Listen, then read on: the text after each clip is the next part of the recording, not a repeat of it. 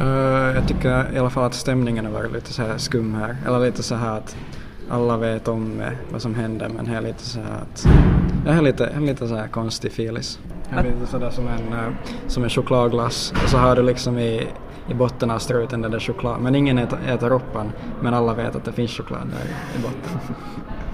no, just nu så är det ganska så här konstig stämning nu här i skolan att, och eftersom att vi har haft som vi håller på med provvecka här just nu mitt i det här också så är det lite så här att, att för alla är inte i skolan hela dagarna. Man, man ser som inte varandra nu heller riktigt på samma sätt som man gör under en vanlig vecka. Så man har inte som kunnat heller som riktigt komma in i det här vanliga ännu.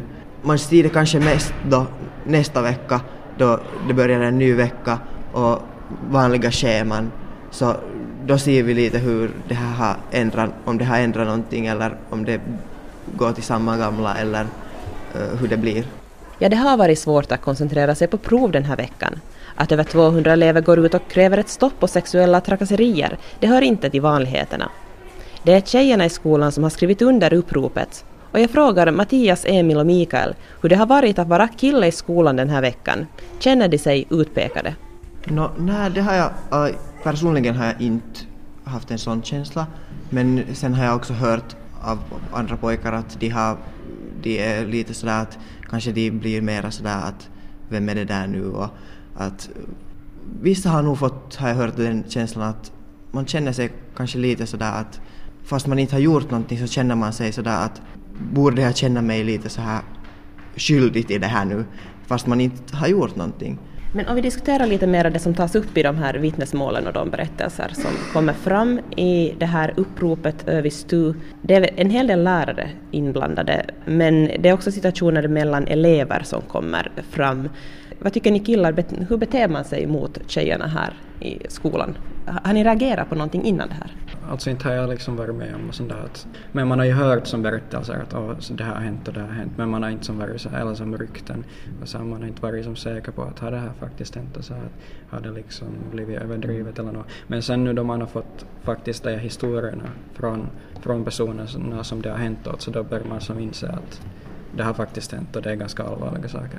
Nu då ni vet att de här sakerna har hänt och ni har hört det, kan ni dra er till minnes någonting ni någon gång har sett som ni nu i efterhand kan tänka att det där kanske inte var helt okej? Okay? Jag har nog inte märkt någonting själv som skulle vara liksom sexuell trakassering för att problemet där för mig är ju liksom att jag är inte säker på vad skulle vara sexuell trakassering eller bara liksom någon som, som inte vet var intimgränsen går och att um, vissa saker som någon person gör kan ju kännas obekväm för någon annan och frågan är hur, hur långt tar den här personen det och liksom vad är, vad är personens mål med det som den gör. Är det svårt att veta vad är riktigt sexuella trakasserier och vad är dumt beteende som man kanske inte vet om att man gör? No, det är faktiskt nog, den där gränsen är väldigt svår att sätta någonstans vid en specifik grej eftersom att, som jag nu har hört, har många flickor den äh, inställningen att man ska själv sätta sina egna gränser. Så då vet man ju inte var alla människors specifika gränser går. Klart det går, finns en sån här, man går inte över en viss gräns, att då blir det helt. Men vissa kan, vissa kan ta redan mindre saker som man inte kanske alls har menat, som blir då fel. Det är jättesvårt att veta då vad man kan och kan inte göra till vissa specifika personer och så här. Men hur är det med sådana saker som med konkreta grejer som kom fram här? Det var en som skrev om att det har ordnats en sån här så kallad Spank Day. Eh, det började med ett Facebook-evenemang som sen blev så att tjejerna blev tvungna att stå med ryggarna mot skåpen för att inte killarna skulle slå dem på rumpan om de gick förbi. Har ni sett någonting sånt? Det är ju väldigt synligt i så fall. Jag har inte sett något sånt men jag kan förstå att det är någonting som kanske skulle gå runt i grundskolan. Jag, jag kände nog då när jag gick i, i åttan sådär, no, några elever som, som skulle liksom spänka liksom andra studerande. Sexuella trakasserier förekommer alltså, men det som snabbt står klart under vårt samtal är att det inte är bara tjejerna som är drabbade. Också Mattias har en historia att berätta. Nå, alltså inte så att jag skulle just i den stunden kanske då har tänkt på saken på ett sånt sätt. Men nu då jag som har efteråt tänkt så har jag som nog haft en sån här lite konstig eller kanske obehaglig händelse med en sån här lärarstuderande. Eftersom de byter så ofta så har jag haft en lärarstuderande som faktiskt har kontaktat mig efteråt, efter skoltid, eh, efter han har varit som eh, här och askulterat. I den stunden så tänkte jag inte kanske på det att det, det skulle ha varit något konstigt men nu i efterhand så har det nog varit en sån här grej. Jag läste en YLE-artikel faktiskt här nu att pojkar blir mer trakasserade i skolor än eh, flickor. Det kanske inte stämmer i den här skolan, det vet jag inte. Det är kanske nu, eftersom fokus är på flickor just nu, så är det svårt kanske för de pojkar som har haft sådana här upplevelser att kanske nu säga någonting och försöka som tränga igenom den där massan med flickor. Vilket jag också förstår att nu är det de här flickorna som är i fokus. Men kanske som att man måste ta ett problem i taget och kanske nästa problem skulle vara just det här att man skulle tala också om här upplevelser. Mm. Ja, du har, rätt, du har helt rätt i det du säger. Det, fanns, det var här i början av november som Yle A-studio gjorde en enkät. Eh, och där var det faktiskt så att det var fler pojkar som svarade än flickor att de har upplevt sexuella trakasserier av just skolpersonal.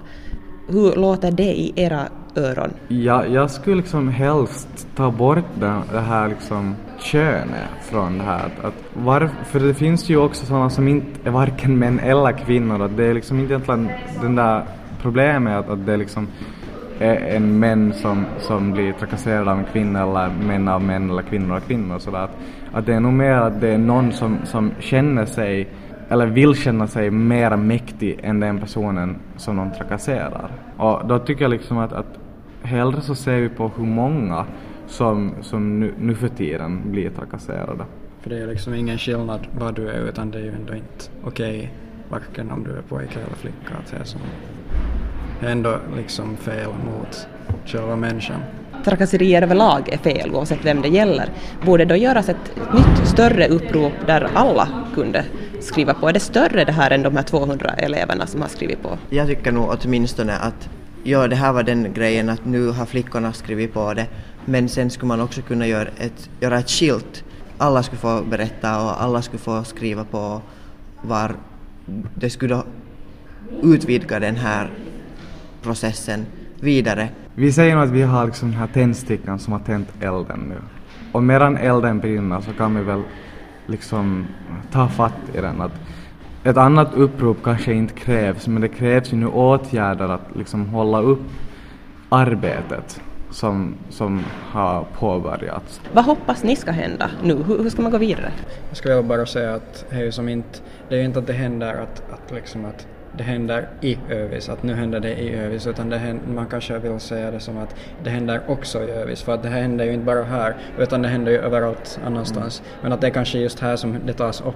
Jag hoppas också att det här skapar nu en kanske sån här dominoeffekt i att andra skolor också börjar tala om det här att nu då ändå vi var kanske den första skolan som tog upp det här så här offentligt och så här så vi har nu sett, sett redan att några andra skolor i Finland så har uttryckt sig att de vill också tala om det här nu.